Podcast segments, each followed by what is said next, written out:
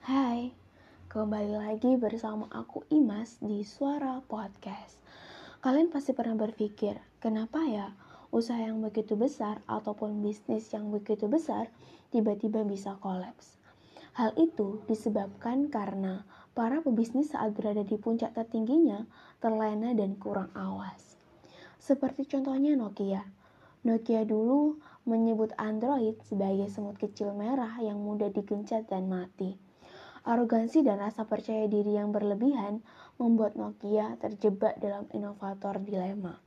Sejarah mencatat, yang kemudian mati justru Nokia tergeletak kaku dalam kesunyian yang perih. Nokia kolaps dihantam iPhone di tahun 2007. Padahal produsen iPhone bukan perusahaan telco, namun dari industri komputer. Ini merupakan fenomena disruption. Apa itu disruption? Ya, disruption. Disruption adalah suatu proses. Ia tidak terjadi seketika, dimulai dari ide, riset, atau eksperimen, lalu proses pembuatan, pengembangan bisnis model. Ketika berhasil, pendatang akan mengembangkan usahanya pada titik pasar terbawah yang diabaikan oleh incumbent. Lalu, perlahan-lahan mengerus ke atas ke segmen yang sudah dikuasai incumbent. Disruption menjadi hal yang sulit untuk diatasi karena banyak orang termasuk pengusaha, regulator, perguruan tinggi tidak tahu apa yang sesungguhnya terjadi. Disruption sama dengan innovation sama dengan ancaman bagi incumbent. Contohnya seperti Uber dan Gojek.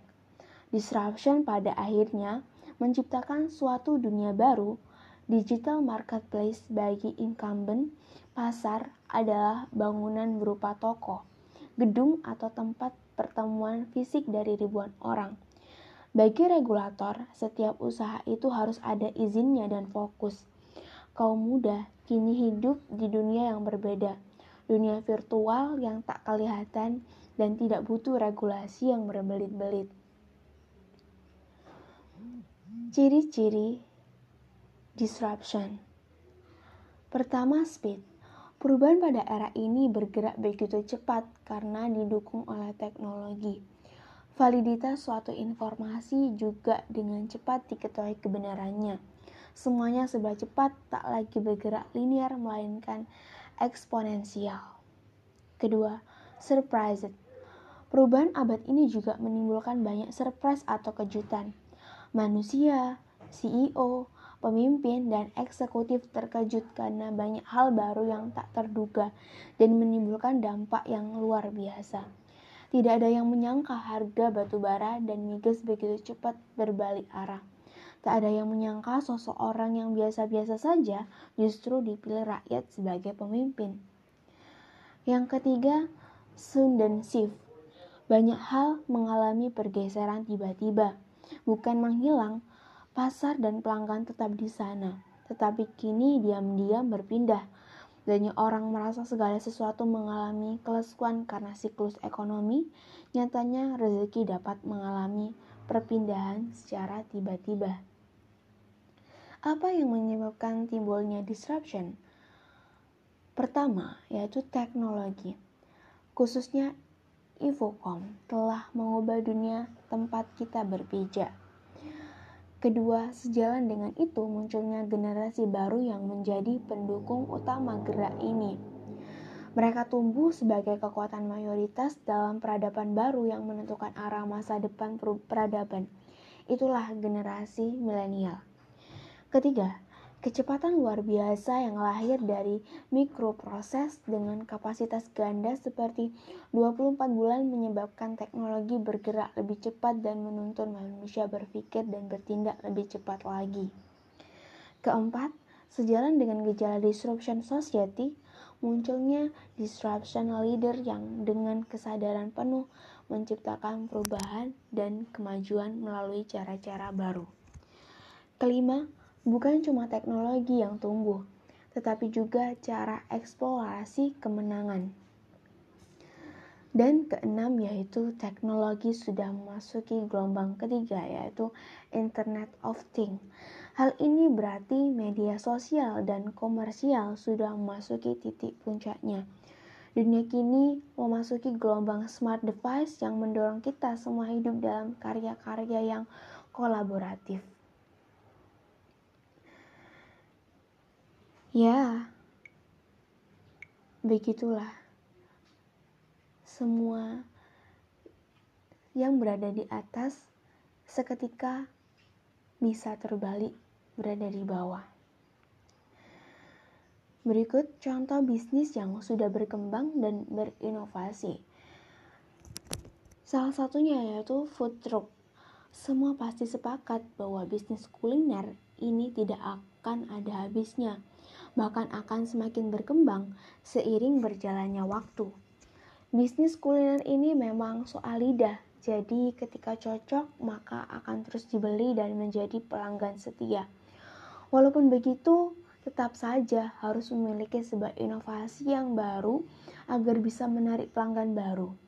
Inovasi tersebut bisa Anda lakukan dengan membuat sebuah bisnis food truck. Food truck ini menggunakan model truk yang dimodifikasi menjadi tempat yang bersahabat dan multifungsi. Selain merupakan bagian dari inovasi, membuat makanan dengan menggunakan food truck, Anda tidak perlu menyewa tempat. Uniknya lagi, food truck bisa digunakan untuk keliling berbagai daerah. Di luar negeri, model bisnis food truck ini tengah menjamur.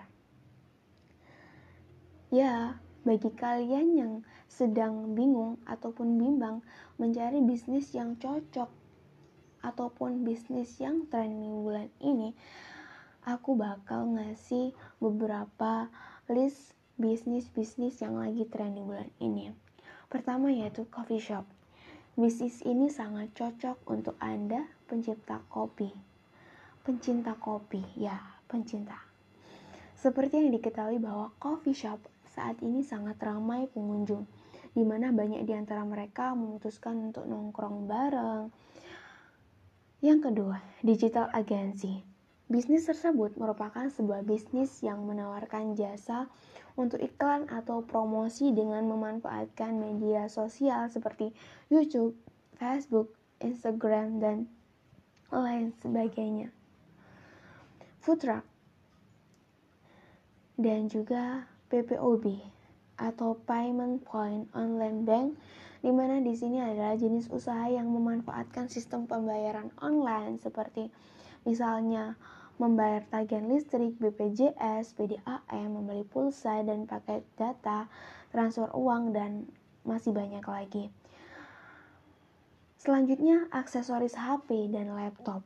Sering dengan banyaknya pengguna smartphone di era ini, maka kebutuhan akan aksesoris handphone pun meningkat. Aksesoris handphone dan laptop yang dimaksud adalah seperti earphone, casing HP, baterai, power bank, dan lain sebagainya. Bisnis jamu dan rempah.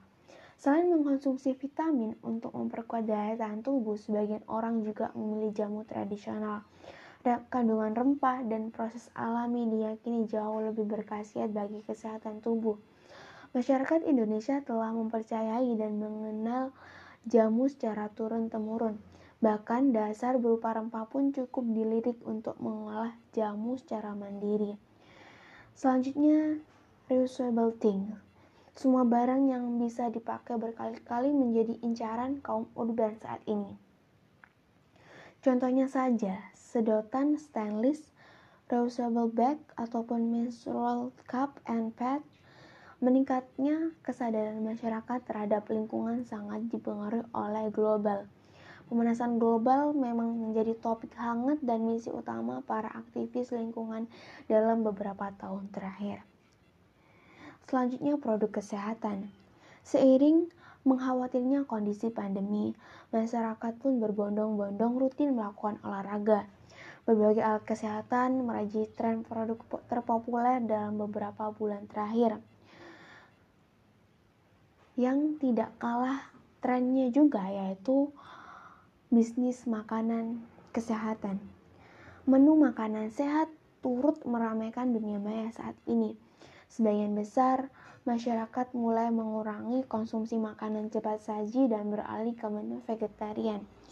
Alasan yang diutarakan cukup beragam, mulai dari kesehatan sampai program diet. Tren ini tentu membuka peluang usaha bagi kalian yang ingin meraup untung. Dan yang terakhir yaitu makanan ready to cook. Makanan ini menjadi tren populer apalagi dengan adanya pandemik virus corona yang menyebabkan banyak orang tinggal di rumah saja. Terlebih lagi, produk makanan ready to cook atau makanan siap saji, konsep dari makanan ready to cook adalah kamu bisa memasak berbagai menu rumah tanpa perlu belanja ke pasar karena dalam paket ready to cook biasanya sudah tersedia bahan makanan lengkap bumbu bahkan panduan cara memasaknya. Sekian dari aku. Semoga uh, podcast kali ini bermanfaat untuk kalian. Terima kasih. Bye bye.